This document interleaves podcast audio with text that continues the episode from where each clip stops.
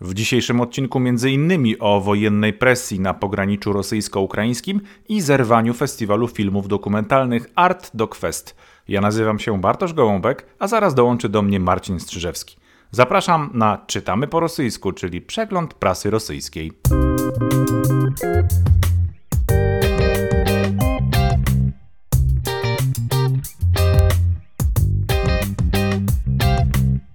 Говорит Москва.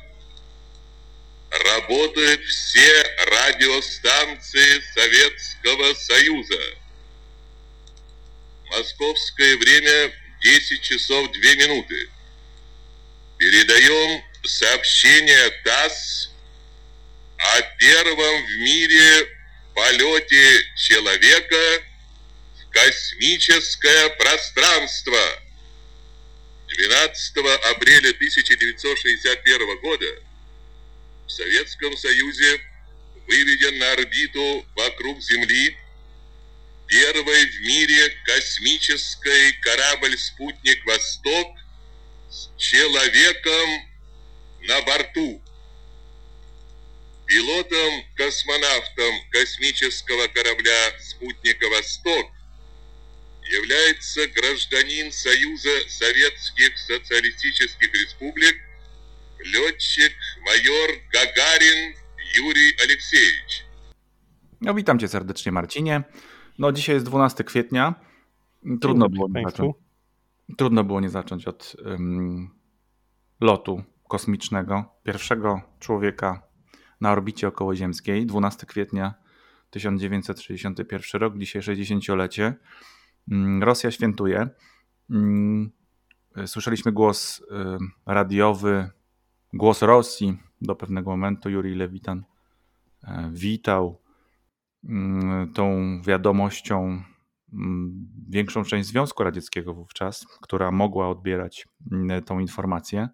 E, no a sam Juri Gagarin, major Gagarin, e, skromny, sympatyczny, młody człowiek. Ja mam takie, taką refleksję w sprawie tego, ciekawego wydarzenia w historii świata, oczywiście, że jest to jedno z nielicznych chyba takich propagandowych wydarzeń, które samo się broni w jakimś sensie. To znaczy, faktycznie Gagarin, no, odrzucam wszystkie teorie, oczywiście spiskowe, faktycznie Gagarin był w kosmosie, faktycznie wrócił mm, i był tak naturalny w swoim zachowaniu y, i w swoich wypowiedziach, tak ciekawy przez to, że y, no właściwie Mm, to jest taka historia osobista, taka historia personalna w dużej mierze.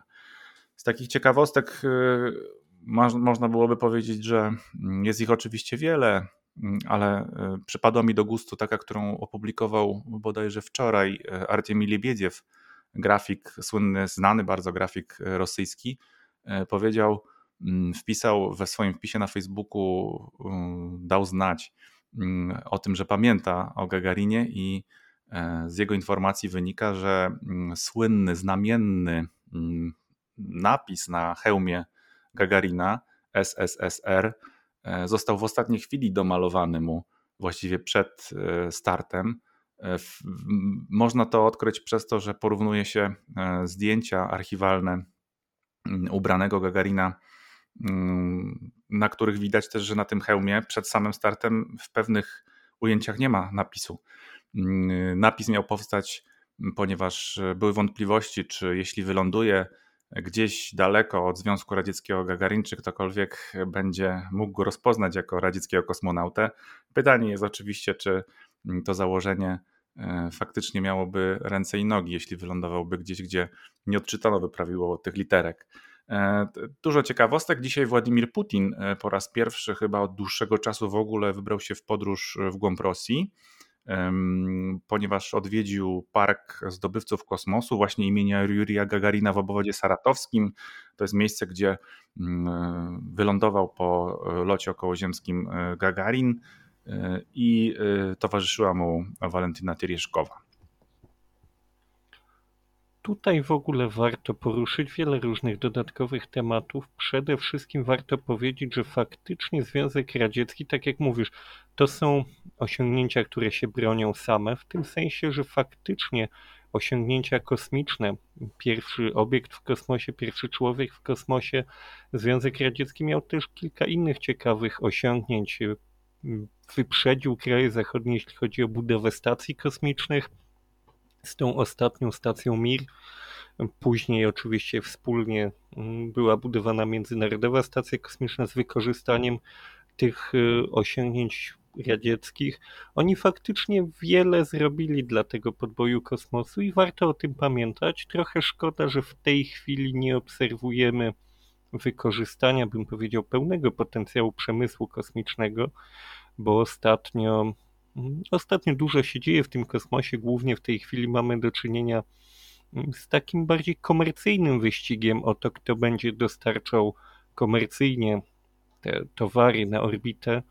Przy czym tutaj bardziej już nie tyle walczy Rosja z Ameryką, co bardziej Rosja z Elonem Muskiem. Natomiast jeszcze tutaj warto przypomnieć, bo była mowa o tym, że Władimir Putin mm, ten dzień święcił, że tak to ujmę, obchodził z Walentyną Tiriuszkową, Pani Tiriuszkowa jest pierwszą kobietą w historii, która była w kosmosie, ale tutaj też warto podkreślić, że ona odegrała w zeszłym roku dość istotną rolę w polityce rosyjskiej, bo ona już w czasach, czy też jeszcze w czasach radzieckich była deputowaną, teraz od 2011 znowu zasiada w Dumie Państwowej i w zeszłym roku to właśnie ona była tą osobą, która jako pierwsza publicznie zaproponowała. Oczywiście możemy być pewni, że to nie był jej pomysł, ale to właśnie ona jakby była wybrana jako ta osoba, która publicznie przedstawi pomysły poprawek w konstytucji. E, wśród których oczywiście było bardzo wiele różnych zapisów, ale przede wszystkim to były te poprawki, które znamy jako abnulienie, czyli wyzerowanie, wyzerowanie mm, po prostu prezydenckich y, przepraszam, wchodzi mi rosyjskie słowo, kadencji. Kadencji, kadencji oczywiście. Kadencji. Prawda. Tak, mhm. które umożliwiły, mm, umożliwią Władimirowi Putinowi kandydowanie kolejne dwa razy, czyli na kolejne dwie sześcioletnie kadencje, czyli pozwolą mu zostać u władzy przynajmniej teoretycznie, no bo mogą go nie wybrać, prawda? Taki żarcik. Pozwolą mu zostać do bardzo podeszłego wieku. Prawdopodobnie możemy nawet zakładać, że to będzie niemalże dożywotnia prezydentura już w tej chwili. I to właśnie pani Valentina została wybrana i to był bardzo, bym powiedział, dobry wybór, no bo kto byłby gotowy krytykować taki piękny symbol, pierwszą kobietę w kosmosie, która tyle osiągnęła dla kraju, była dumą dla wielu Rosjan. Więc tak jak mówię, to był bardzo dobry wybór z punktu widzenia czysto PR-owego. Tak jest, to jest autoryzacja tego e, pomysłu. Z całą pewnością osoba o takim autorytecie ponadstandardowym, historycznym autorytecie, mm, właśnie ze względu na taką osobistą zasługę nie tylko dla e, Związku Radzieckiego, ale dla świata, później dla Rosji. E, jako ciekawostkę można też tutaj dodać, mm, myślę, że mm, część, często nie wiemy, jak toczą się losy rodzin tych słynnych, sławnych ludzi, ale akurat tak się potoczyły losy mm, córek, jednej z córek e, Jurija Gagarina, że pani Jeliana, jego starsza córka, Jeliana Juriewna Gagarina, e, od 2001 e, roku, mm, czyli właściwie od niemalże od samego początku prezydentury Władimira Putina, jest dyrektorem kompleksu mm, historyczno-kulturowego Maskowski Kreml. To są miejsca, które znane są wszystkim wizytującym, odwiedzającym Moskwę, więc jeśli by Państwo kiedyś e, trafili w nieodległej przyszłości mm, na Kreml, a na pewno kiedy bywaliście już na Kremlu wcześniej, między rokiem 2001 a rokiem 2021, to już 20 lat, to bardzo długi okres czasu, to szefową e, tego miejsca mm, była właśnie córka Jurija e, Gagarina, więc również bardzo prestiżowa pozycja we współczesnej Rosji. Takich dzieci, słynnych rodziców, oczywiście, mm, e, tak mi się wydaje, traktuje się mm, pewnie mm, jakoś tam wyjątkowo. Aczkolwiek e, jestem przekonany, że tutaj chodziło też o coś więcej niż tylko o nazwisko i pochodzenie. Bo rzeczywiście Dzień Kosmonautyki to jest akurat sprawa już dzisiaj E, przekładana także na współczesność i słusznie tutaj zwracasz uwagę, że, mm, że Federacja Rosyjska troszeczkę zaczyna się ścigać już z prywatnymi przedsiębiorcami w tej kwestii, jak Elon Musk. Ja dzisiaj słyszałem taki komentarz Matwija Ganapolskiego, komentatora Radia Echo Moskwy, który właśnie mówił o tym, że mm, to marzenie mm, o kosmosie jego, z jego lat dziecięcych, z lat 60., e, późnych i początku 70., E, no, zostało mu w jakimś sensie odebrane przez współczesną Rosję, e, przez e, jakiś specyficzny bezład, który zapanował w tym temacie. No ale myślę, że aż tak surowymi chyba nie będziemy. My tutaj w Polsce wobec tego projektu kosmicznego radzieckiego i rosyjskiego, on po prostu ma swoją radziecką tradycję i pewnie Mm, będzie kontynuowany wciąż za wszelką cenę. Dzisiaj Władimir Putin na tym specjalnym, na tej specjalnej naradzie poświęconej e, programowi kosmicznemu zachowywał się znów jakby był prezydentem od pół roku dopiero, ale mm, mimo to mm, no, wyznaczył e, jasno strategiczny kurs i dużo tutaj z całą pewnością było mowy o bardziej o bezpieczeństwie niż o now, nowych technologiach, o bezpieczeństwie Rosji oczywiście, niż o nowych technologiach i różnego rodzaju innych kontekstach. Także dzisiaj Dzień Kosmonautyki, 12 kwietnia mm, i my mówimy e, dzisiaj o 14 tygodniu, 14 tygodniu roku 2021, czyli o tym, co wydarzyło się w rosyjskiej prasie. No i przejdę już teraz do tych e, głównych tematów jubileuszowego wątku. Nie mogliśmy pominąć. Przechodzę teraz do tematów, które spośród wielu, wielu różnych ciekawych e, uznałem za najbardziej interesujące. Pierwszym z nich e, będzie Marcinie no, roszada kadrowa.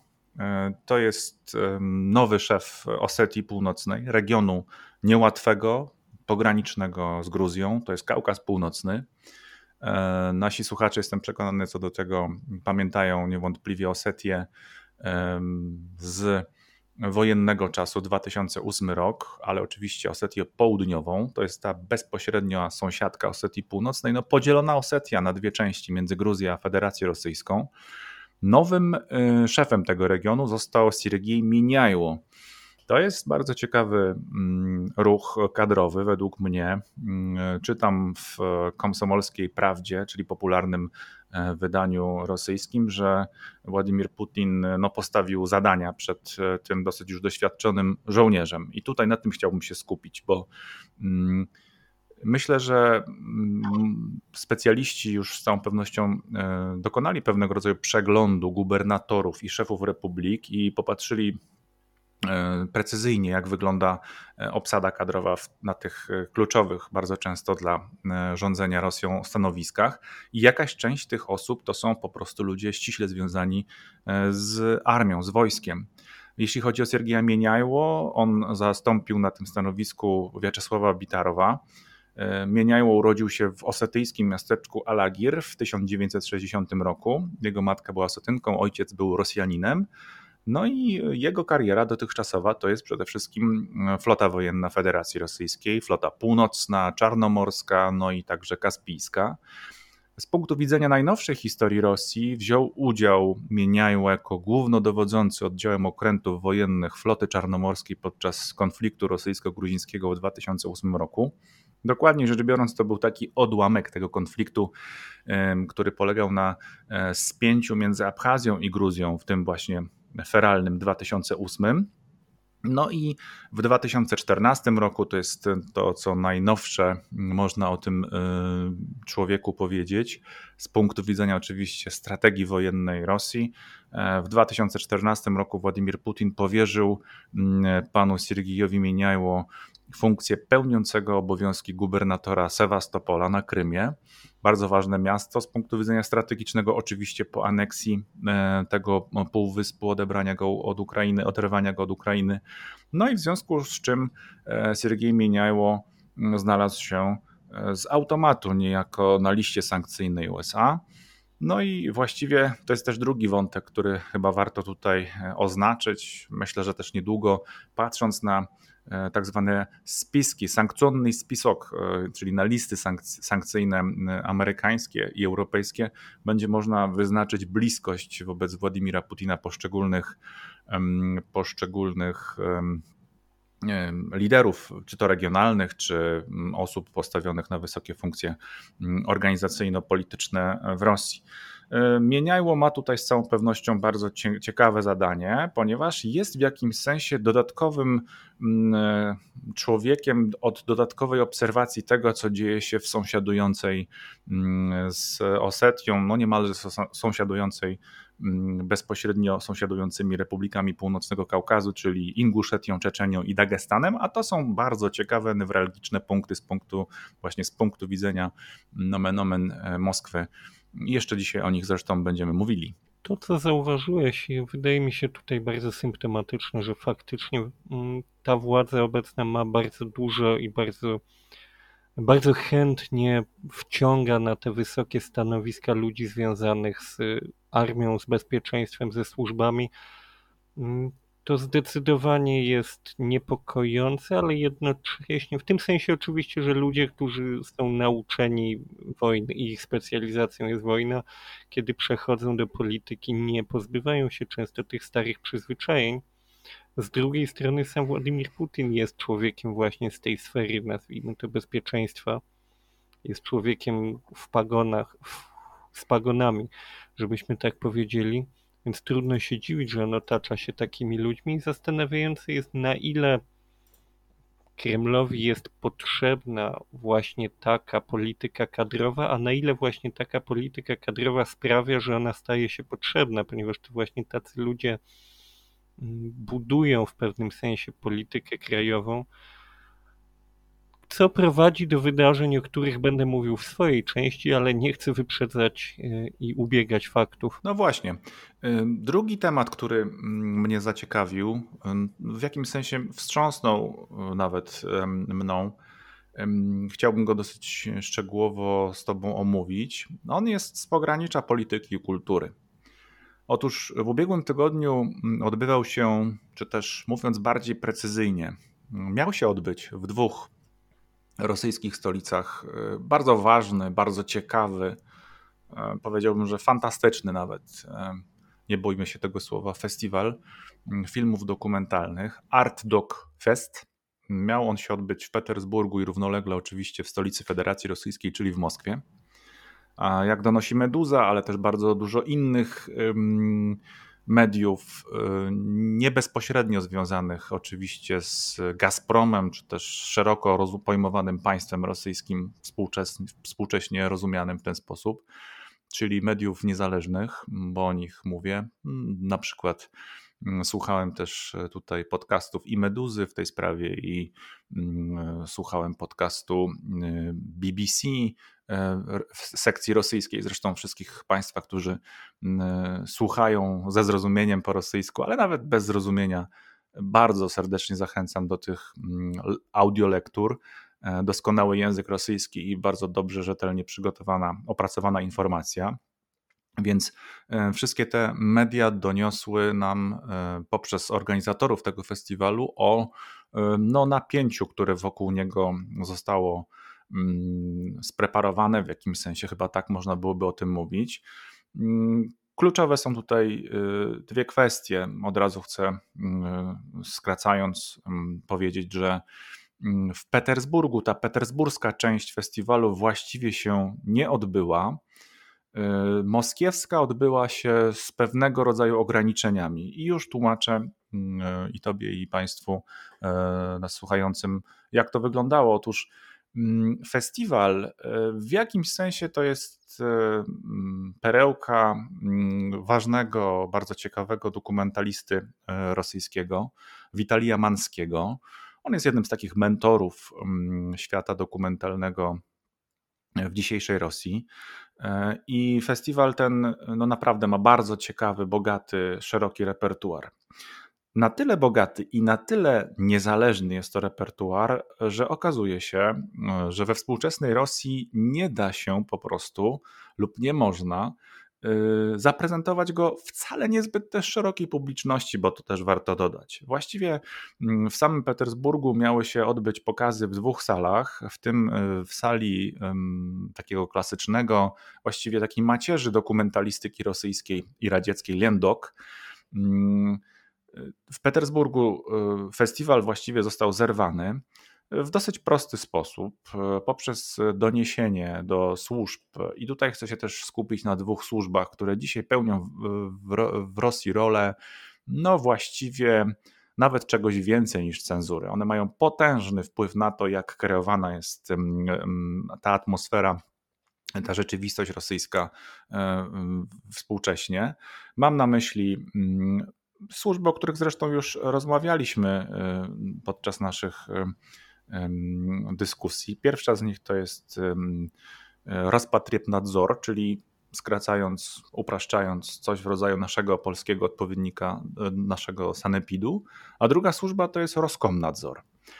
I można byłoby założyć, że właściwie dzięki tym dwóm służbom państwo ma absolutnie czyste ręce, jeśli chodzi o mm, skracanie e, żywota tego typu inicjatyw, jaką jest choćby właśnie Art, Art do Quest. Otóż Rozpotrybnadzor mm, pojawił się w osobach inspektorów w salach, w których miały być pokazywane e, filmy e, festiwalowe. Tutaj należy dodać, że w Rosji teraz w obecnie panującym mm, reżimie sanitarnym e, petersburskim e, kina e, są otwarte, ale oczywiście z pewnymi ograniczeniami. No i oczywiście Rozpatrybnadzor wykazał pewne nieprawidłowości, które towarzyszą tym projekcjom, ale oczywiście zwracam tutaj uwagę nas, nam wszystkim, że nieprawidłowości te dotyczyły sal projekcyjnych, a nie samego festiwalu. To spowodowało zaś oczywiście ograniczenia, e, zamknięcie jednego, jednego z miejsc, czyli dom kino w Petersburgu, a Lendok e, swoją salę właściwie sam prewencyjnie zamknął, bo nie chciał wchodzić tutaj e, na tą linię konfliktową z, ze służbami współczesnej Rosji, ze służbami państwowymi. Roskomnadzor, Rozpotrybnadzor, jeszcze raz przypominam, to są służby, które mogą dzisiaj właściwie w Rosji wszystko zatrzymać pod y, pretekstami bezpieczeństwa, bezpieczeństwa uczestników. Jeszcze do tego wrócę. Co jest sednem sprawy? Dlaczego w ogóle ten Art Fest jest na celowniku władz? Jak się przynajmniej wydaje? Wydaje się właśnie, że y, producenci i twórcy filmowi współczesnej Rosji, dokumentaliści, ale także ci działający spoza granic Federacji Rosyjskiej, no, wybrali drogę absolutnej, realistycznej szczerości i e, nie biorą jeńców, to znaczy pokazują świat i rzeczywistość rosyjską taką, jaka ona jest.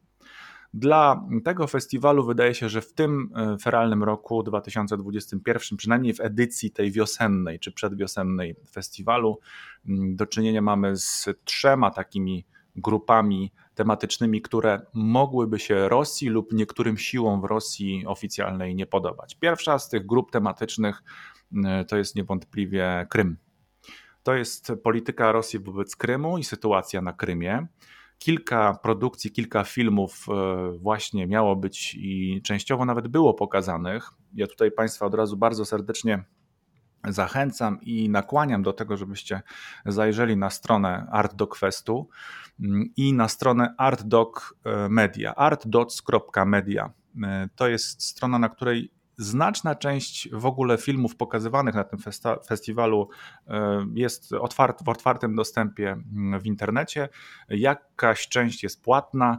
Mm, za relatywnie niewielką sumę można e, tutaj e, dostać się do oglądania przez streaming, co bardzo Państwu gorąco polecam.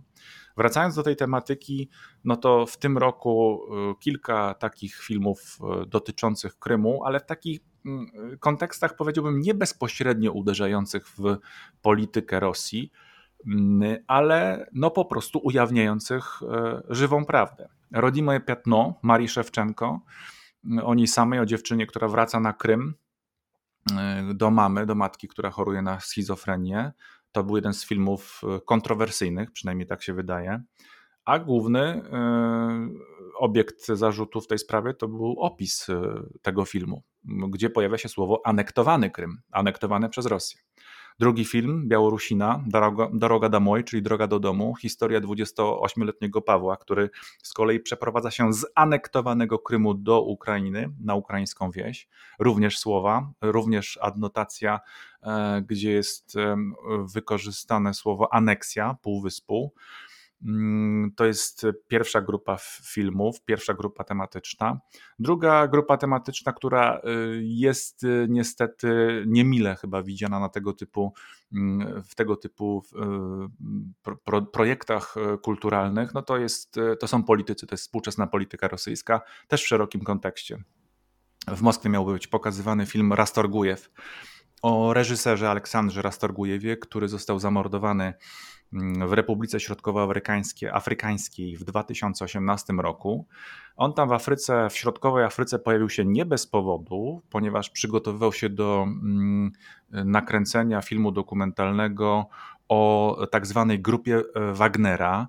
Mm, może jeszcze będzie kiedyś czas, będziemy o tym rozmawiali. To jest taka właściwie prywatna armia związana z jednym jak się uważa powszechnie w Rosji i w mediach rosyjskich, jednym z ważniejszych ludzi z otoczenia Władimira e, Putina. No i niestety mm, stracił tam życie. W ogóle wymawianie najwyraźniej e, tych okoliczności, czy też wypowiadanie ich gdzieś na głos, no, powoduje e, już problemy. No i trzecia grupa tematyczna, która w ocenie analityków, tych, którzy się zajmują tym, jak e, ten festiwal został w tym roku e, właściwie storpedowany, no to jest e, szeroko rozumiany Kaukaz. Dwa filmy w tym roku. Z jednym wiąże się bardzo interesująca historia. Tichy Golos, Cichy Głos, historia czeczeńskiego zawodnika MMA, który mm, jest gejem, przyznał się do tego, że jest gejem, przyznał się do tego swojemu bratu w Czeczenii, który nie zaakceptował tego, mm, tej, tej informacji e, i spowodowało to jego ucieczkę z, z ojczyzny. Mówimy o mm, właśnie tym zawodniku MMA. Tutaj wszystko jest nie, nietypowe, nietradycyjne. Mm, proszę sobie wyobrazić i wyobraź sobie Marcinie, że do Witalia Manskiego, czyli do koordynatora festiwalu, właściwie głównego takiego dyrektora artystycznego, przyszedł człowiek, który przedstawił się właśnie jako reprezentant e, czeczeńskiego narodu i poprosił go o zdjęcie e, tego filmu z pokazów.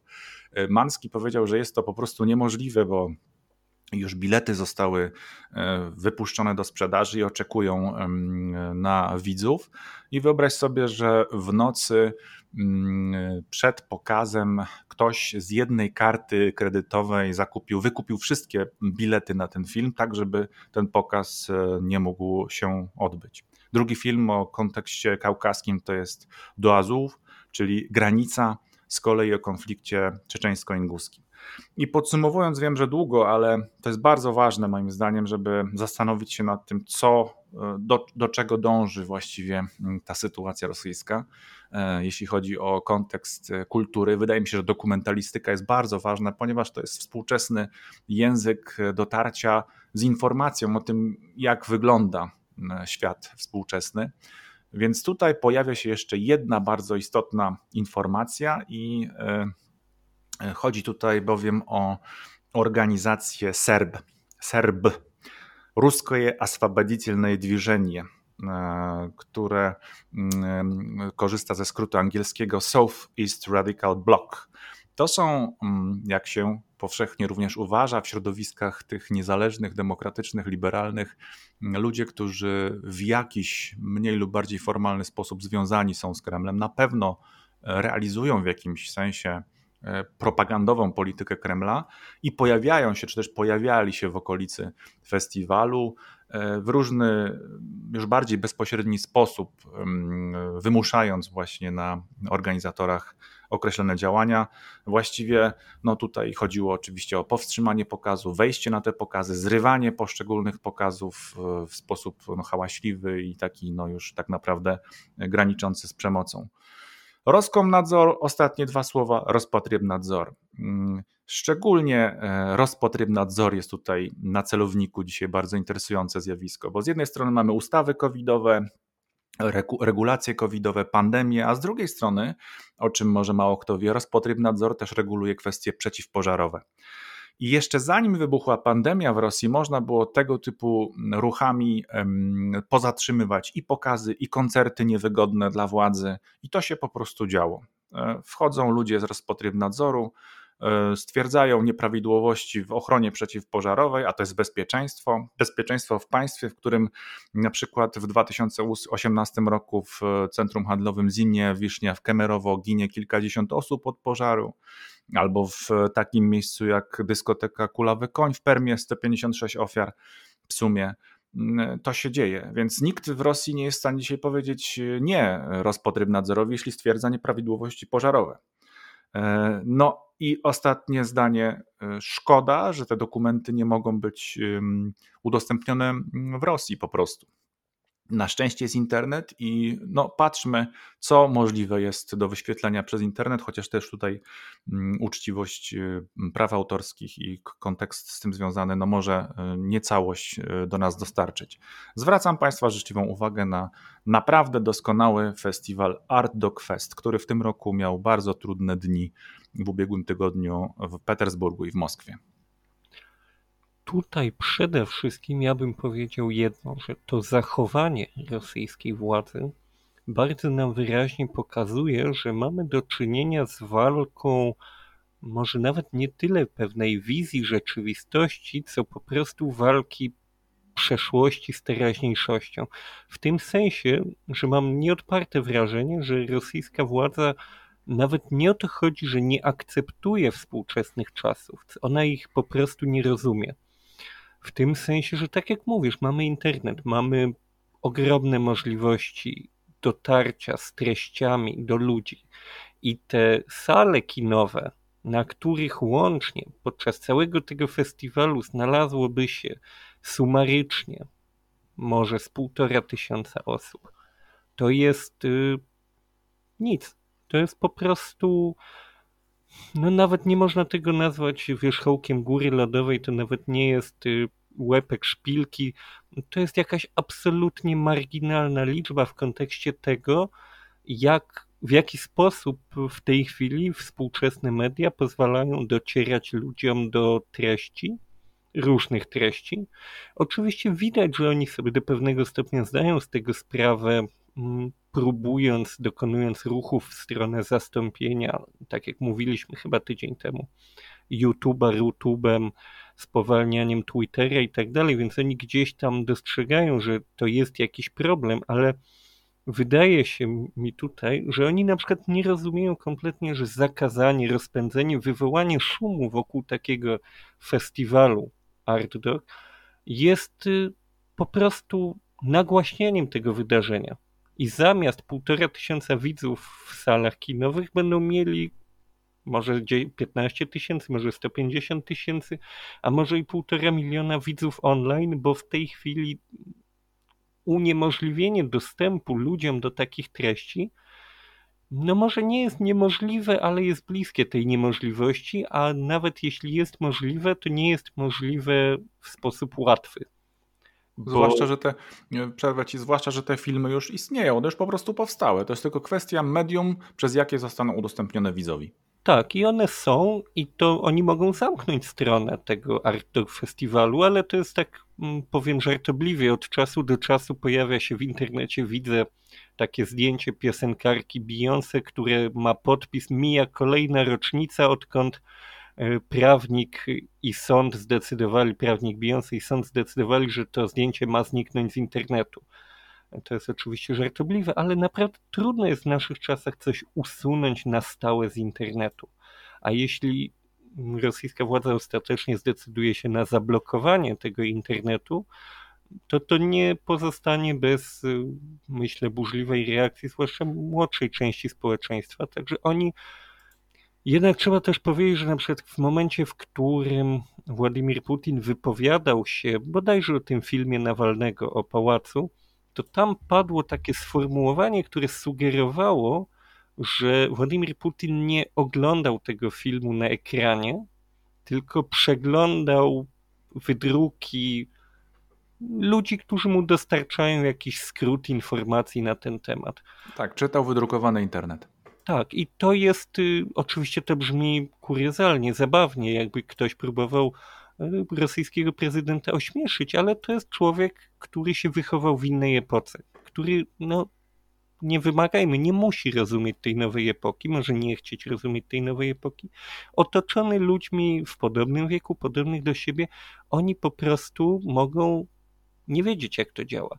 Oni to są ludzie wychowani w czasach radzieckich, kiedy dało się powstrzymać. Wtedy też oczywiście był i samizdat, i tamizdat, i były różne formy docierania, ale było dużo trudniej.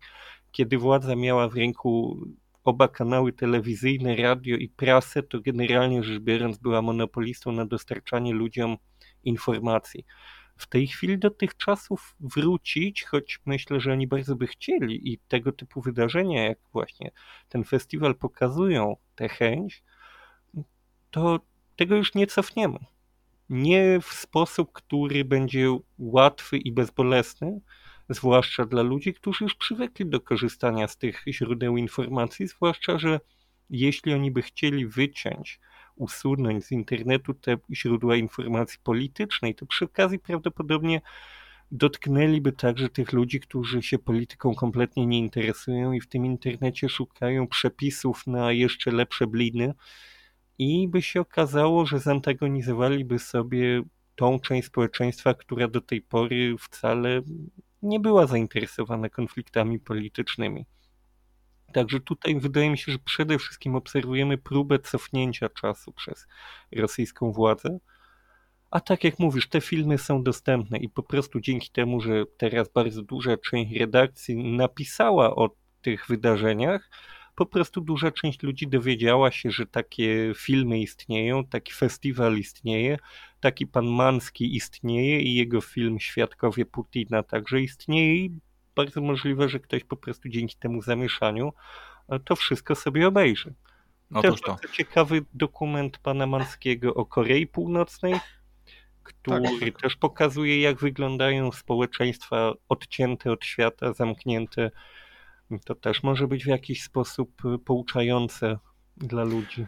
Otóż to, więc y, reklama z jednej strony trochę chyba opatrzna, aczkolwiek pokazująca mm, duszną atmosferę w Rosji wokół y, wolnościowych działań kulturowych.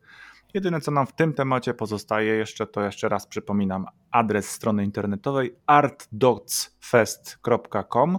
To jest strona festiwalu. Mm, jeśli Państwo nie czytają po rosyjsku, to ona jest też bardzo dobrze przygotowana w języku angielskim oraz w języku łotewskim, bo tutaj mamy też łotewską Mm, postać tego festiwalu. A jeśli by Państwo chcieli pooglądać filmy, które są już w internecie od dłuższego czasu, nawet te z wcześniejszych edycji, właściwie od e, kilku już lat e, mm, produkowane, no to one są na stronie artdots.media, mm, dostępne online, łatwo tam Państwo znajdą, również strona angielska posegregowane na sekcje alfabetycznie poprzez awiację, autoportret, armię, moda, muzea, muzyka, nauka, kino, nieme, reklama. O wszystkim e, zachęcam Państwa do zobaczenia, mm, jak, e, jak ten festiwal, jak dokumentalistyka rosyjska, moim zdaniem, kwitnie, rosyjskojęzyczna, bo to też są... To są a część ma angielskie napisy, właśnie, właśnie, właśnie, więc mamy tutaj rosyjskojęzyczną dokumentalistykę, nie tylko oczywiście rosyjską, bo są tu i filmy białoruskie, ukraińskie, bardzo gorąco polecamy. Ostatnia rzecz, która zwróciła mm, moją uwagę, mm, y, powrót do Kaukazu, mm, raczej może bardziej nie jeśli chodzi o sam temat, ale jeśli chodzi o medium, które y, jest tutaj mm, też na celowniku w jakimś sensie mm, współczesnych mm, rządzących, a być może również tak, że teraz po jednym z tekstów szefa Republiki Czeczeńskiej. E, mam na myśli serwis Projekt. E, on e, ma właśnie taki charakterystyczny, śledczy charakter, bardzo interesujące teksty na stronie tego mm, no, medium, które właściwie e, za cel istnienia swojego obrało sobie właśnie mm, dekonstrukcję tego, jak faktycznie wygląda Rosja oficjalna, jeśli odsłonimy, zrzucimy maski. I tak tutaj też jeden z większych artykułów, można powiedzieć nawet raportów, jest zatytułowany Żelazne maski. Ostatni czwarty z odcinków tego, tego mm, serialu właściwie mm, śledczego dotyczy Ramzana Kadyrowa, Ramzana Achmatowicza Kadyrowa i jego skrywanych e, dochodów, e, ale także skrywanego swoistego takiego zaplecza kulturowego. Nazywają to mm, autorzy, autorka tej części tego raportu sułtanatem, który wewnątrz Rosji się pojawił. Y, ja chcę powiedzieć, że to nie pierwszy tekst, y, obszerny raport y, w sprawie Kadyrowa, który się pojawia ostatnimi czasy. Przypomnę, że jeden z większych, jedną z większych prac w tej kwestii wykonał Ilja Jaszyn w 2016 roku, publikując na stronie internetowej raport o zagrożeniu bezpieczeństwa narodowego, pisząc o Kadyrowie i poniekąd także o Władimirze Putinie. Tak to się oczywiście złożyło. A tym razem projekt Maski Maria e, Żołobowa mm, na właśnie mm, stronie projekt e, pokazuje nam e, kontekst wielożeństwa Ramzana Achmatowicza Kadyrowa. Mm, I oczywiście tutaj może samo wielożeństwo w kulturze muzułmańskiej, no nie jest y, niczym nadzwyczajnym, jeśli tylko mężczyzna może pozwolić sobie na to z punktu widzenia finansowego, może zabezpieczyć y, istnienie, e, funkcjonowanie przy sobie kobiety i jej dzieci, czy też wspólnych dzieci, to do czterech żon no oczywiście tutaj nie ma żadnego problemu. No, problem pojawia się, czy regulacje państwowe mm, zezwalają na tego typu e, organizacje życia prywatnego. No, w przypadku Federacji Rosyjskiej poligamia nie jest legalna, a przypomnijmy, wciąż z punktu widzenia organizacyjnego mm, Czeczenia jest częścią Federacji Rosyjskiej i e, powiem więcej, właściwie jest e, wciąż sponsorowana przez Moskwę. Mm, jak twierdzi wielu naprawdę dobrze rozumiejących ten kontekst y, analityków, no właśnie po to, żeby nie rozlewała się tam rosyjska krew, czyści tą sprawę za Moskwę w tym momencie Ramzan Achmatowicz-Kadyrow, który, mm, no jak donosi y, przynajmniej ten tekst, ma trzy żony, no i oczywiście nieudokumentowane liczne dochody, które na te żony, na te swoje sobie bliskie kobiety są rozpisane. Mm, jego pierwsza żona, taka oficjalna właściwie, ponieważ dwie pozostałe nie są oficjalne, e, chociaż e, właściwie mm, należy przyjąć, że trafiają w sedno analitycy i ci, którzy raportują nam w tej sprawie, mm, że jednak istnieją te, te kobiety. Hazujewa Fatima, młoda dziewczyna, którą w jakimś sensie upatrzył sobie ponoć Ramzan Ahmadowicz, no ma już dwudziestolatka ma już taki majątek, którego mm, nie jest oczywiście w stanie w żaden sposób udokumentować swoimi zarobkami. No, to może jeszcze pół biedy, ale sam Ramzan Achmatowicz Kadyrow nie jest w stanie udokumentować mm, także swoich, swojej zasobności. Y, no tutaj bardzo, bardzo wielopiętrowy wątek. Ja zwracam Państwa uwagę na to, że y, coraz więcej, czy też coraz szerzej y, media E, próbują sięgać do tego niewygodnego, naprawdę niewygodnego dla wielu Rosjan tematu mm, dzisiaj, bo on właściwie nie wiadomo do czego mógłby doprowadzić, jeśli by nastąpiło jakiegoś rodzaju rozstrzygnięcie, zmiana władzy w Czeczeni czy zmiana władzy w Rosji. Mm, czy Czeczenia pójdzie po wolność, czy uzna swoją podległość wobec Moskwy? Tak naprawdę my dzisiaj nie wiemy dokładnie, jakie nastroje w tym w tym mikropaństewku na północnym Kaukazie panują. Wiemy za to coraz więcej i coraz smutniejszych informacji o tym, jak e, to państwo, mikropaństwo wewnątrz Federacji Rosyjskiej prowadzone jest przez Ramzana Achmatowicza Kadyrowa.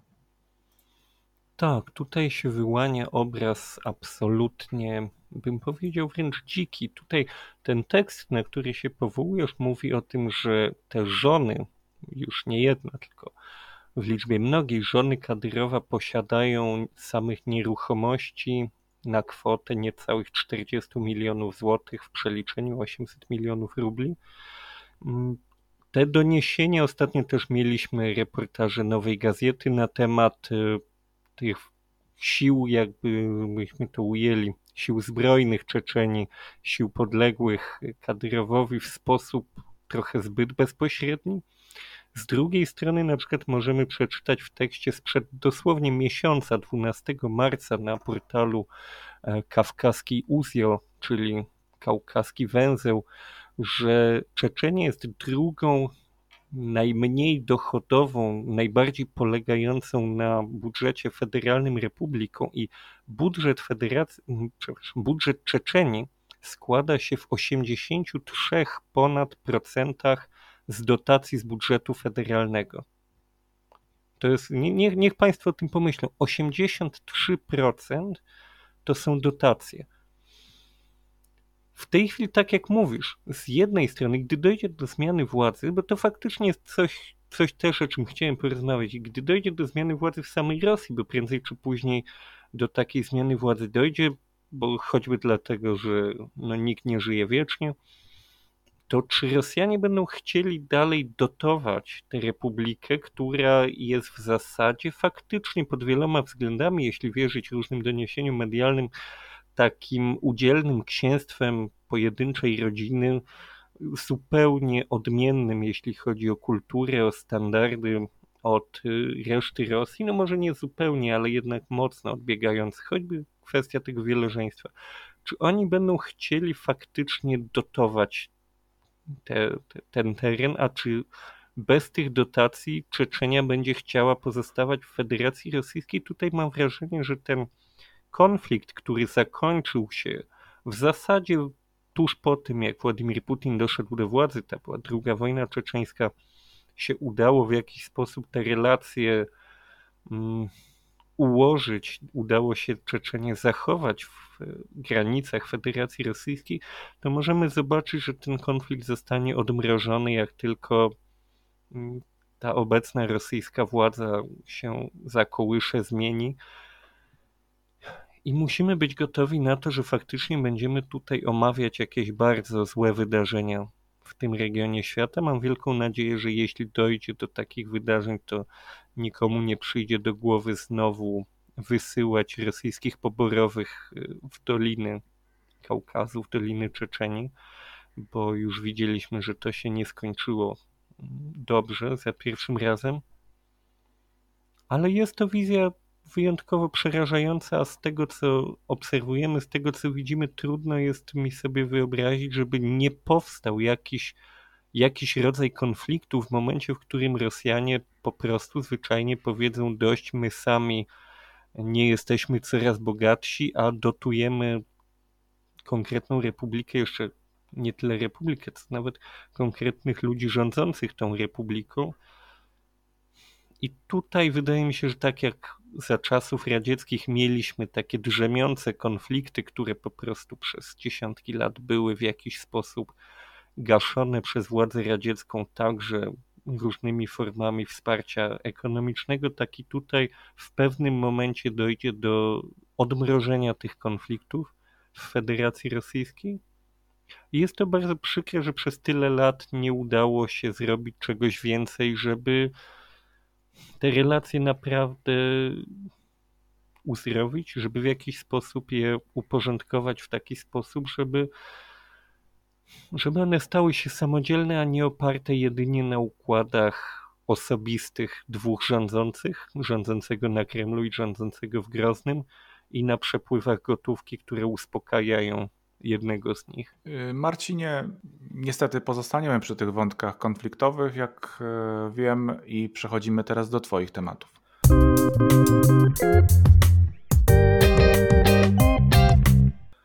Tak, dzisiaj nam trochę zajęło dojście do mnie, ale nic Państwo nie stracili, bo teraz będziemy długo rozważać to, co się dzieje niedaleko na wschód od nas ja sobie wziąłem jeden tekst akurat z mojej ulubionej, z mojego ulubionego portalu wydania Nowa Gazeta, ale tak naprawdę moglibyśmy omawiać ten temat na podstawie wielu innych mm, ciekawych artykułów, wypowiedzi, filmów, ponieważ w tej chwili to, co się dzieje na granicy ukraińsko-rosyjskiej, budzi ogromne emocje. Zresztą nie tylko w Rosji, także w Polsce. To jest coś, co obserwujemy z pewnym niepokojem.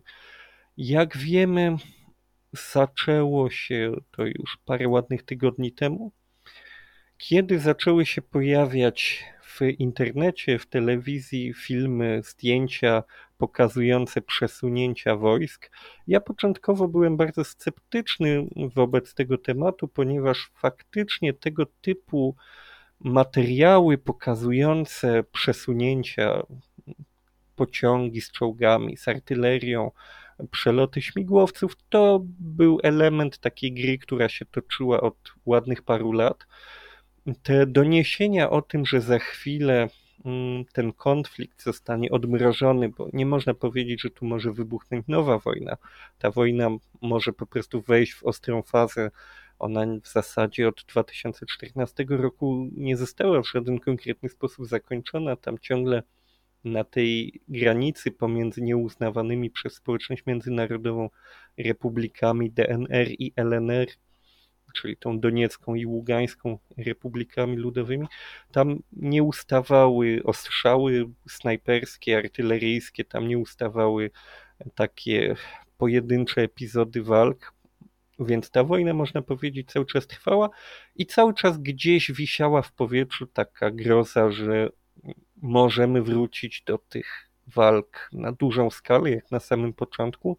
To było podsycane z jednej strony przez Ukraińców, którzy dość często, i to było widoczne także w polskich mediach, zapowiadali, że Rosjanie będą za chwilę dążyć do eskalacji. Z drugiej strony Moskwa także od czasu do czasu przypominała o tym, że ten konflikt może wybuchnąć, oczywiście oskarżając stronę ukraińską o to, że to ona do tego doprowadzi.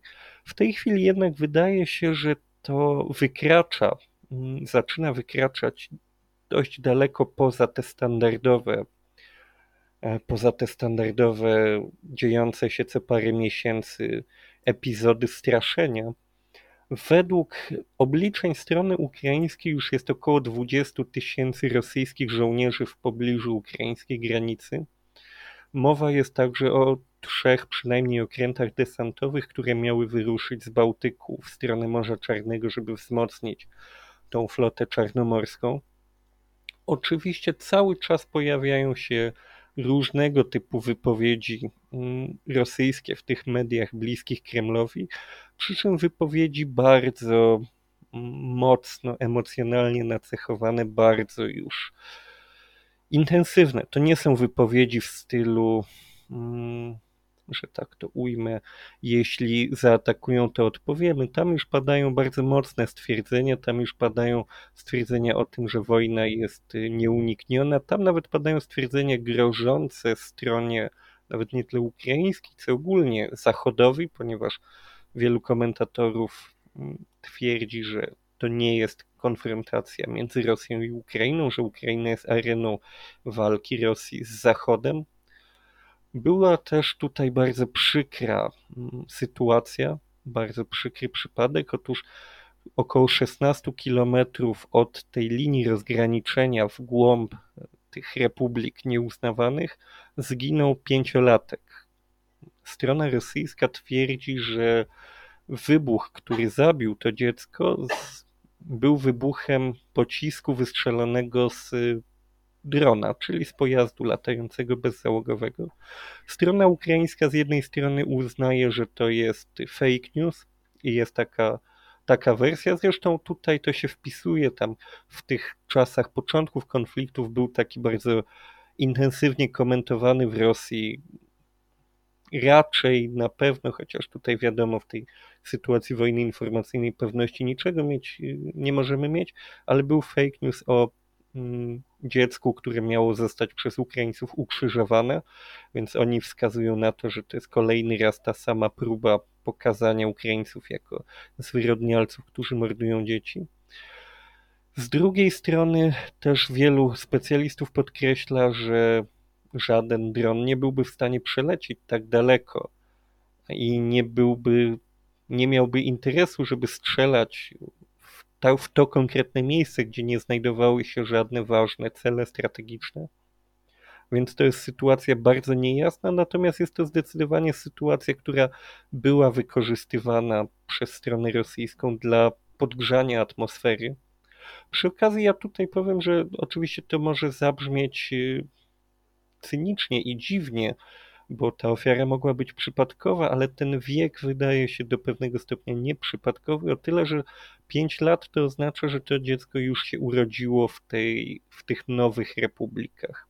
To jest jakiś symbolizm, który jest. Y, trudno mi powiedzieć, na ile zamierzony, na ile przypadkowy, na ile po prostu y, ja sobie tutaj dopowiadam sensy.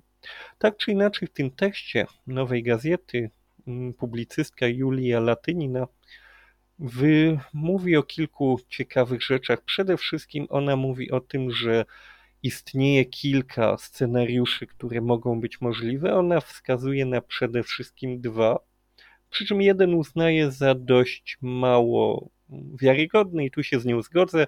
Ona mówi o tym, że te przygotowania wojenne mogą być przygotowaniami do już takiej pełnej aneksji tych dwóch republik nieuznawanych, wcielenie ich już w całości do Rosji, przy czym ja tutaj od siebie powiem, że według mnie nie byłoby potrzeba takich sił wojskowych, żeby coś takiego przeprowadzić. Myślę, że gdyby po prostu zostało to mm, biurokratycznie rozwiązane z dnia na dzień y, dwoma podpisami przedstawiciela Federacji Rosyjskiej przedstawicieli tych republik, to prawdopodobnie to by w zupełności wystarczyło. Drugi scenariusz według niej zakłada desant morski w okolice Odessy i odcięcie Ukrainy od morza, ale ona wskazuje przede wszystkim na coś, co jest, wydaje mi się, pomijane w polskich mediach, przynajmniej w tych analizach, które ja czytałem, czyli ten fakt, że cała ta sytuacja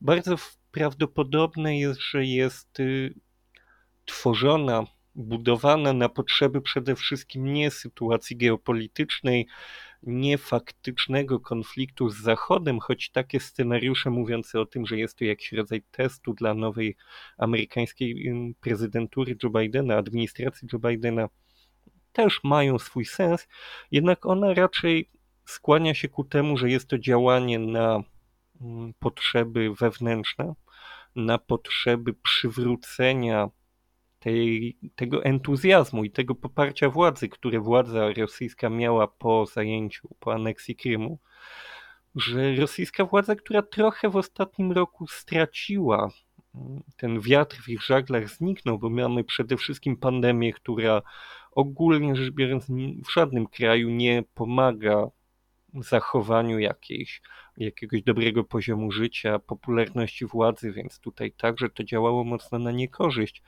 ogólnie Rosjan, ogólnie mm, nastrojów w państwie.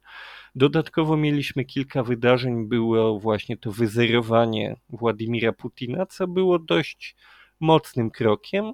Myślę, że każdy, kto miał jakieś wątpliwości na temat natury rządu Władimira Putina, już teraz y, musiał zrozumieć, że to jest po prostu władza autorytarna, dożywotni prezydent w stylu Ameryki Południowej czy Azji Centralnej.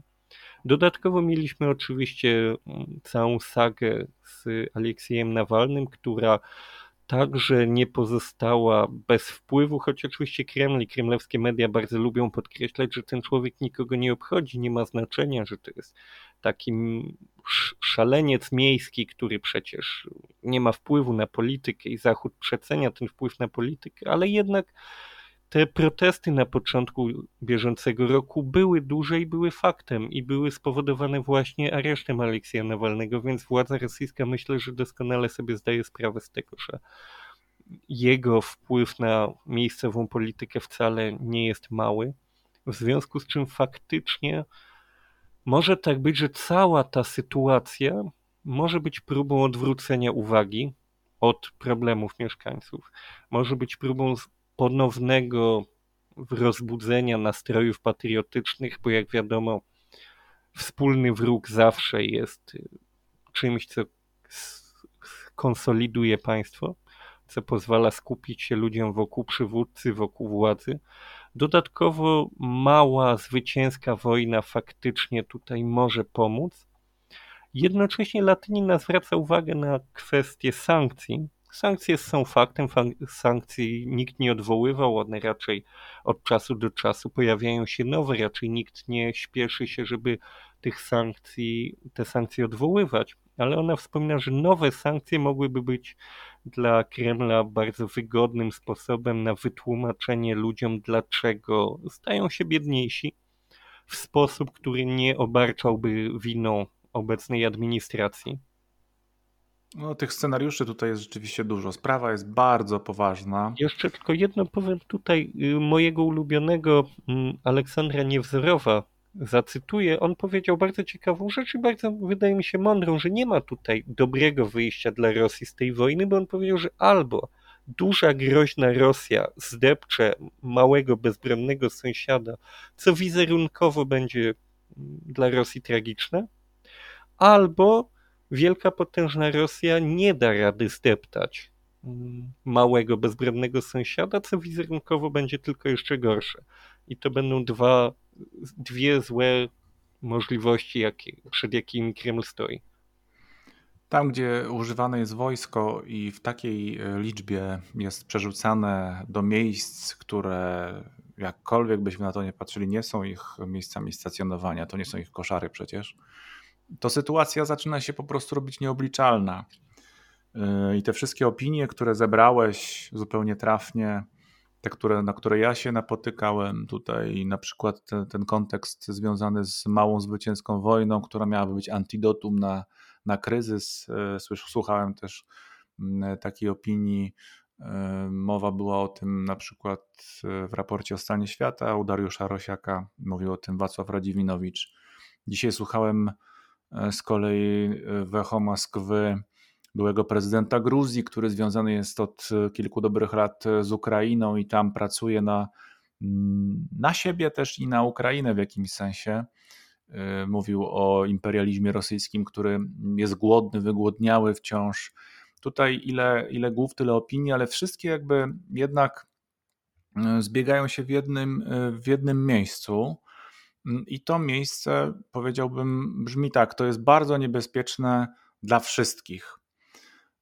Ja, to, ja tego niebezpieczeństwa, ja bym go nie, nie przeceniał, ani też nie, nie, nie, nie doceniał, bo ja uważam osobiście, że naprawdę e, w tej sytuacji, w jakiej się znalazł, mm, znalazło państwo Władimira Putina, absolutnie wszystkie scenariusze są możliwe. I ja najbardziej boję się takiego scenariusza, w którym żadne kalkulacje prezydenta i jego otoczenia, żadne kalkulacje mm, generałów i admirałów armii e, e, Federacji Rosyjskiej nie będą brane w ogóle pod uwagę. Po prostu. Co się będzie musiało wydarzyć, to się po prostu wydarzy. Mm, a z drugiej zaś strony, bo, bo, bo trochę się zajmujemy wspólnie, ja się zajmuję trochę już tą historią, dziejami Rosji i wiemy, jak bardzo potrafią być zdeterminowani e, w osiąganiu nawet najbardziej wirtualnych, że tak się wyrażę, może to nie, niedobry moment, ale kosmicznych nawet celów. I, mm, I tutaj nic nie jest w stanie wtedy zatrzymać tego, tego mechanizmu. Czy zaś y, drażnienie y, administracji amerykańskiej, Joe Bidena, testowanie ich, czy to jest y, cel, czy to mógłby być cel, czy, czy, czy, czy to są koszty, które sankcjo, san, pod sankcjami funkcjonująca dzisiaj Rosja jest w stanie ponosić tylko po to, żeby sprawdzić, jakie będą reakcje CIA i, i agent amerykańskich wobec tych działań, jakie zdjęcia przeciekną z jakich korytarzy przesyłu danych i przesyłu sił zbrojnych w cieśninach? Myślę, że chyba jednak nie. Więc że, że to, są, to, są, to są dużo bardziej poważne, jednak wydaje mi się, strategiczne zamierzenia.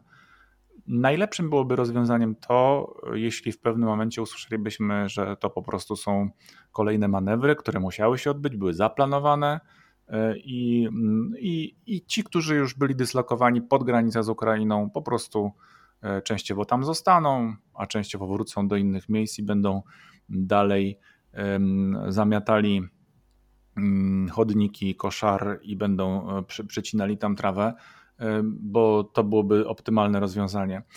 Saakaszwili dzisiaj mówił, że jesteśmy w trochę innym punkcie historycznym. Już dzisiaj nikt nie ukrywa tego, że to są właśnie rosyjskie wojska, one mają emblematy, to jest jasna sprawa, ale Ukraina też jest trochę w innym miejscu. Na ile ona jest w innym miejscu, to też jest pytanie. Wolelibyśmy chyba, żeby tego nikt nie testował. E, dużo e, komplikacji oczywiście i mało danych. No, dużo też spekulacji oczywiście w tej sprawie. Mm, miejmy nadzieję, że to się zakończy po prostu mm, rozprężeniem, ale wydaje mi się, że zbliżamy się ku, ku momentowi, w którym potrzebne są poważne, naprawdę poważne rozmowy e, wszystkich możliwych zainteresowanych stron, które mogłyby doprowadzić do jakiegoś rodzaju deeskalacji, bo to jest eskalacja napięcia bez wątpienia. To jest eskalacja, przy czym tutaj wielu komentatorów podkreśla, że w tej chwili wywołanie dużego konfliktu z, Ukrainą na dużą skalę byłoby wręcz szaleństwem. I z drugiej strony podkreślają rosyjscy komentatorzy, że my już raz widzieliśmy takie szaleństwo w 2014 no roku. No właśnie, no właśnie tak. w tym szaleństwie Kreml, może być metoda. Mhm. I właśnie o to chodzi, że Kreml podejmuje działania, które z naszego punktu widzenia nie są racjonalne, ale przede wszystkim ja bym pamiętał o tym, że działania Kremla mogą dążyć przede wszystkim i myślę, że to jest rzecz, którą oglądaliśmy już nieraz w historii, przede wszystkim dążyć do zachowania po prostu władzy do końca. I jeśli zostanie uznane, że właśnie taka mała wojna mm, pomoże zachować tę władzę, ale sprawi, że Rosja stanie się jeszcze bardziej wyizolowana, jeszcze biedniejsza, jeszcze mniej lubiana na świecie, jeszcze bardziej odcięta i tak dalej, i tak dalej, to to zostanie, zostanie podjęta taka decyzja, bo ktoś uzna, że woli władać biednym krajem, niż pozwolić, żeby władał nim ktoś inny. Natomiast jeszcze tutaj z, pozwolę sobie dodać mm, taką ciekawostkę, którą dzisiaj na zakupach jeszcze udało mi się doczytać, że mm, prezydent Turcji Erdogan na spotkaniu z ukraińskim prezydentem miał powiedzieć, że nie akceptuje w sposób pryncypialny zajęcia Krymu i de facto opowiedział się w ten sposób po ukraińskiej stronie, a trzeba powiedzieć wprost, że to jest istotna, mm, istotne wsparcie w tym sensie, że dopiero co mieliśmy konflikt między Azerbejdżanem i Armenią. Armenia posiadała sprzęt wojskowy od Rosji, Azerbejdżan posiadał wsparcie wojskowe od Turcji i Azerbejdżan wygrał tę wojnę. Więc jeśli teraz możemy zaobserwować, tutaj specjaliści od wojskowości wskazywali na to, że duże znaczenie miały tureckie drony na to zwycięstwo. Wiemy także, że Ukraina i Turcja te technologie dronowe już od jakiegoś czasu wspólnie rozwija, a Turcja była taką dziką kartą, bym powiedział, bo z jednej strony te utarczki z Rosją miały miejsce, z drugiej strony Ankara kupowała od Rosji uzbrojenie, więc nie było do końca wiadomo, po której stronie w takim ewentualnym konflikcie Turcja mogłaby stanąć. Teraz wydaje się, że już wiemy. To też może być ważny sygnał dla Kremla, który może mieć znaczenie dla ostatecznego podjęcia decyzji o tym, co się stanie w następnych tygodniach. Obserwujmy tę sytuację i no niewykluczone, a wręcz bardzo prawdopodobne, że do tego tematu jeszcze będziemy wracać. Mam nadzieję, że w pozytywnym kontekście, a na razie trochę Zostając w temacie, tutaj portal RBK, który nieraz cytujemy, pisze taki skrót dotyczący wywiadu, wywiadu z Manfredem Weberem, liderem Europejskiej Partii Ludowej. To jest jedy, jedna z największych sił w Europarlamencie, o ile nie największa, o ile się dobrze orientuję. On miał stwierdzić, że Rosja kontynuuje kurs niebezpiecznych prowokacji, w związku z czym on uznaje, że można się spodziewać także kolejnych sankcji. On twierdzi, że jest to człowiek, który ma, tak jak mówiłem, pewne, pewien wpływ na politykę, przynajmniej Unii Europejskiej, nawet mniej, większy niż mniejszy. On twierdzi, że trzeba odpowiadać w sposób jasny i twardy na tego typu prowokacyjną politykę Kremla, między innymi rozważając w ramach sankcji odłączenie Rosji od systemu SWIFT, czyli systemu płatności. To jest technologia bardzo istotna dla funkcjonowania wielu sfer naszego życia. Jednocześnie on wspominał o tym, że kwestią może być także Nord Stream 2, czyli po rosyjsku Siewierny Patok 2. Mówimy tutaj o niemieckim polityku, także to jest też dość znaczące, że jest brane pod uwagę mm, w pewnym sensie zrezygnowanie, przynajmniej przez część polityków niemieckich z tego projektu wspólnego i dla Niemiec także istotnego, ze względu właśnie na tą politykę Rosji agresywną i prowokacyjną.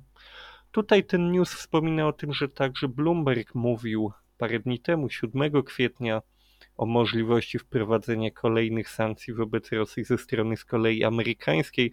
Także widać tutaj także te ruchy, te odpowiedzi.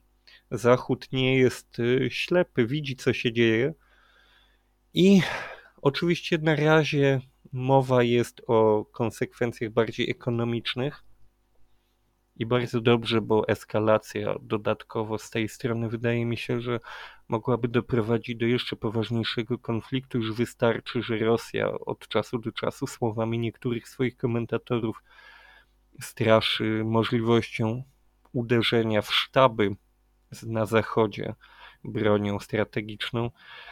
Wydaje mi się, że Zachód nie powinien mm, się włączać w tę retorykę, choć wiadomo jest, że w wypadku takiej eskalacji także Zachód ma możliwości, żeby odpowiedzieć w sposób y, symetryczny. Ale widać, że ta odpowiedź ekonomiczna, kolejne sankcje są szykowane. Pytanie, czy to wystarczy, żeby te zapędy Moskwy powstrzymać? Boję się, że y, w Rosji grunt y, jest przygotowywany już od dłuższego czasu i to wcale nie jest ostatnie nawet pięciolecie, tylko jeszcze dłużej. Pamiętasz na pewno, Marcinie, słynne przemówienie Władimira Putina w Monachium na konferencji bezpieczeństwa. Mm, y, od tego momentu wielu y, specjalistów datuje właśnie takie wejście prezydenta Rosji na, na kurs kolizyjny ze świadomością y, europejską, to znaczy z tożsamością europejską Rosji, tak bym powiedział szeroko, współczesnej Rosji. Przypomnę, I... że to był rok 2007, także czasy bardzo odległe. Czasy bardzo odległe, właśnie, a, a, a wydaje się, że jeśli dobrze policzymy, od 2007 roku właściwie y, rozwija się w dorosłość, weszło nowe pokolenie mm, młodych Rosjan, którzy właśnie mm, nasiąkają od y, tego czasu y, już tak y, na poważnie takim przeświadczeniem, szczególnie ci, którzy nie mogli skorzystać z jakiegoś rodzaju wglądów to, jak wygląda Zachód, tak? jak, jak funkcjonuje Zachód z bliska. E, ci, którzy, mm, do których Zachód nie docierał w inny sposób niż modelowe przekazy z mediów publicznych Rosji. Więc ja się boję, że mm, taka jakaś część, jakaś część, no oczywiście to jest pytanie otwarte jaka, czy my pozna, czy poznalibyśmy w danych rosyjskich e, tutaj mm, prawdę, ale jakaś część społeczeństwa rosyjskiego jest przygotowana, żeby tego Zachodu po prostu nie przyjmować takim, jakim ono jest, tak? żeby go nie tolerować, żeby go odrzucać. A to z kolei czyni tak naprawdę wszelkie ruchy ze strony polityków no, rangi Manfreda Webera czy każdego innego, kto podniesie rękę na, e, na Rosję dzisiaj, no po prostu mniej skutecznymi niż one mogłyby faktycznie być, bo Systemy, o których e, tutaj jest mowa, czy przelewy bankowe, karty kredytowe, o których mówiliśmy też ostatnio, o tym pro programie, projekcie MIR, prawda, które Rosja sama wdrożyła, żeby się uniezależniać. To są wszystko kwestie, które bardzo łatwo jest przeciętnemu mm, obywatelowi, który nie sięga głębiej, tak, który nie idzie horyzontalnie po mediach, który e, profilowany jest tylko przez jeden przekaz, jest mu łatwo y, Rosja w stanie wyjaśnić, że to jest po prostu atak na jego dobre imię, po pierwsze, a po drugie na jego dobrostan i trzeba tego bronić. Y, no i y, formą obrony jest choćby rozmontowanie Ukrainy, dotarcie do Odessy, już Sewastopol nie wystarczy, wejście na kolejne etapy no, tego systemowego rozstrzygnięcia, którym jest imperium. Oby tak nie było, bym się mylił, ale na razie y, wiele na to wskazuje, że mm, europejski głos, y, ten nawet bardziej twardy, jak ten, o którym mówisz, no nie do końca spełnia swoją rolę prewencyjną. Ale myślę, że możemy już skończyć te bardzo przykre tematy, bo prawdę mówiąc, ja bym wolał, żeby jednak Rosja wróciła do tego dialogu i poznawania się nawet bym powiedział, trochę nieśmiałego, ale jednak, żebyśmy znowu zaczęli się sobą interesować, a nie tylko walczyć, bo nie widzę powodu do tej walki. I przejdźmy może do ciekawego mm, dla Państwa, jak myślę, mm, ciekawej informacji, bo to jest e, skala tego przedsięwzięcia, o którym zaraz powiem, bardzo mnie osobiście na mnie zrobiła wrażenie, chociaż ja już oczywiście o tym słyszałem jakiś czas temu ale mer Moskwy, Siergiej Sabianin, y, ostatnio zapowiedział przedłużenie programu, drugi etap programu przebudowy Moskwy. Pierwsza fala tego programu rozpoczęła się w roku 2017 i zakładała, proszę Państwa, wyburzenie 5 tysięcy budynków. Jakby się pomyśleć o, o samej skali takiego przedsięwzięcia, 5 tysięcy wielo, wielorodzinnych budynków. W dużej mierze to chodzi o te bloki, te najstarsze bloki, e, w dużej mierze te tak zwane chrusiowki, piatietaszki, czyli pięciopiętrowe bloki z czasów Chruszczowa, które dawno temu stały się mm, ogromną rewolucją w życiu zwykłych Rosjan. Przypomnijmy, że w czasach stalinowskich duża część ludzi mieszkała w tak zwanych komunalkach, czyli w dużych mieszkaniach podzielonych na pokoje, w których z jedną kuchnią, z jedną łazienką mieszkało kilka różnych rodzin. Duża część rodzin mieszkała w drewnianych barakach i zaczęto budować z prefabrykatów bloki takie, jak my znamy w, w Polsce bardzo dobrze. Bloki, które budowano w rekordowym tempie, no ale Wiadomo, że tego typu mieszkania też mają jakiś swój określony czas życia i nie są wieczne. W związku z czym Moskwa zaczęła właśnie duży program przebudowy. Tak jak mówię, 5000 budynków, które miały zostać zburzone, miały na ich miejscach powstać nowe domy i to miało oznaczać przeprowadzkę około miliona mieszkańców Moskwy do nowo budowanych lokali. Także to są ogromna skala przedsięwzięcia i właśnie Siergiej Sabianin za, zapowiedział, że ta druga fala tego, tej budowy e, ma być jeszcze większa, jeszcze bardziej obszerna. Przy czym z drugiej strony także tutaj RBK podawało, że skala faktycznych, a nie planowanych mm, działań była jednak trochę mniejsza bo z tego miliona, który gdzieś tam się pojawił, podano, że w ciągu trzech pierwszych lat tego programu renowacji nowe mieszkania otrzymało 18 tysięcy ludzi, także to jest liczba znacznie mniejsza. Tutaj mowa jest o tym, że program wyhamował w dużej mierze ze względu na wyjazd migrantów zarobkowych, pandemię, wzrost cen materiałów budowlanych, i tutaj w kontekście tego warto powiedzieć, bo sobie słuchałem ostatnio mm, wywiad w ramach podcastu Nowej Gazety z panią Walentiną Ciupik z Centrum Pomocy Migrantom, która mówiła, że ten wyjazd migrantów zarobkowych, którzy są w dużej mierze odpowiedzialni w Rosji za prace budowlane, zaczął się jeszcze przed pandemią i wiązał się nie tyle z kwestiami sanitarnymi, co z samymi kwestiami walutowymi.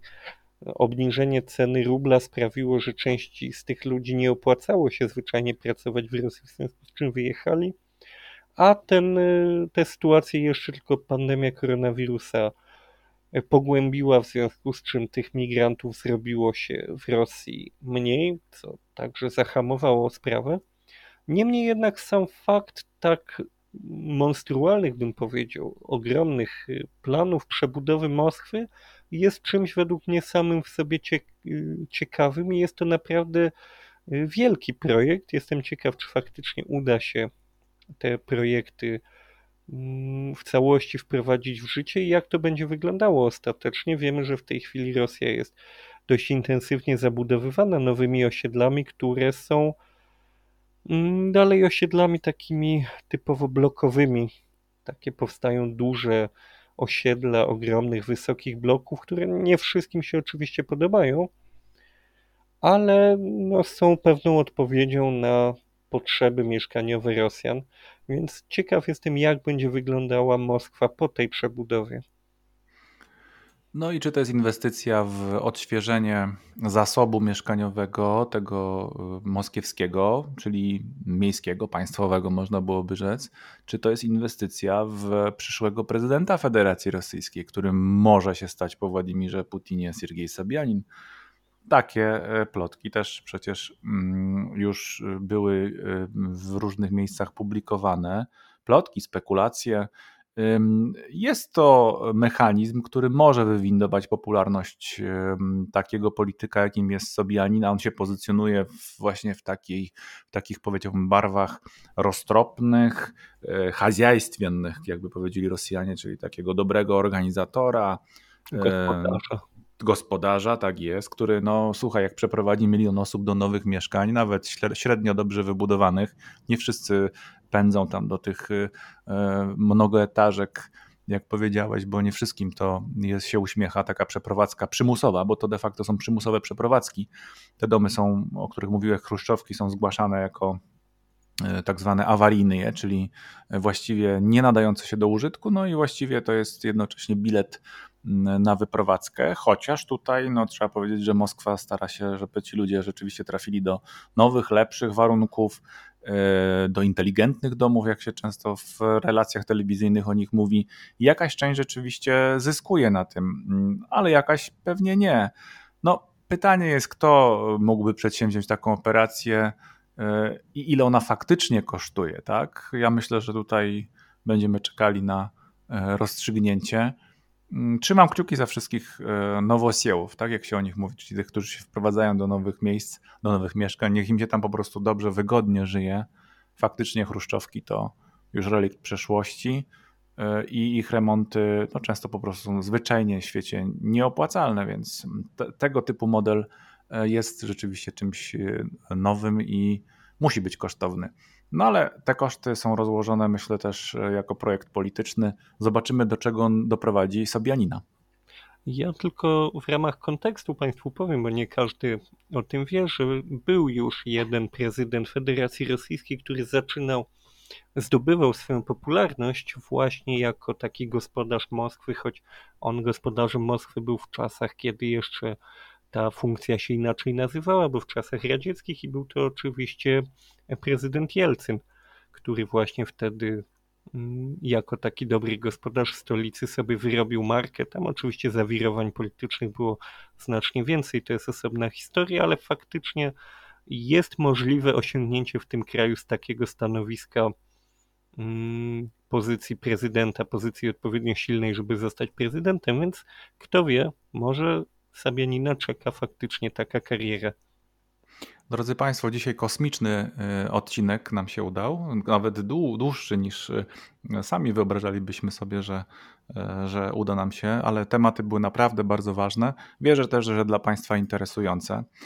Przypominam, że czytamy po rosyjsku, czyli przeglądy prasy rosyjskiej słuchają Państwo w obrębie takiej platformy podcastu, który zatytułowany jest Sprawy Wschodu i to do odszukania jest e, na platformach streamingowych Apple Podcast, e, Castbox, Google Podcast i Spotify oczywiście. Serdecznie zapraszamy do słuchania w dowolnym, wygodnym dla siebie momencie mm, naszych rozmów, naszych komentarzy też, no i informacji, które wierzę, że do Państwa w związku z tym e, tutaj mm, wpływają.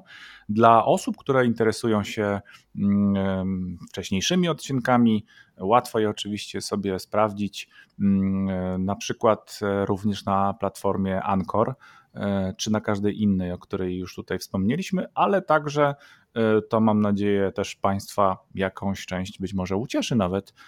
Powstała mm, strona mm, internetowa, e, która może być też dla nas miejscem lub dla Państwa miejscem, z którego podejmiecie kontakt z nami, z twórcami mm, tego pomysłu.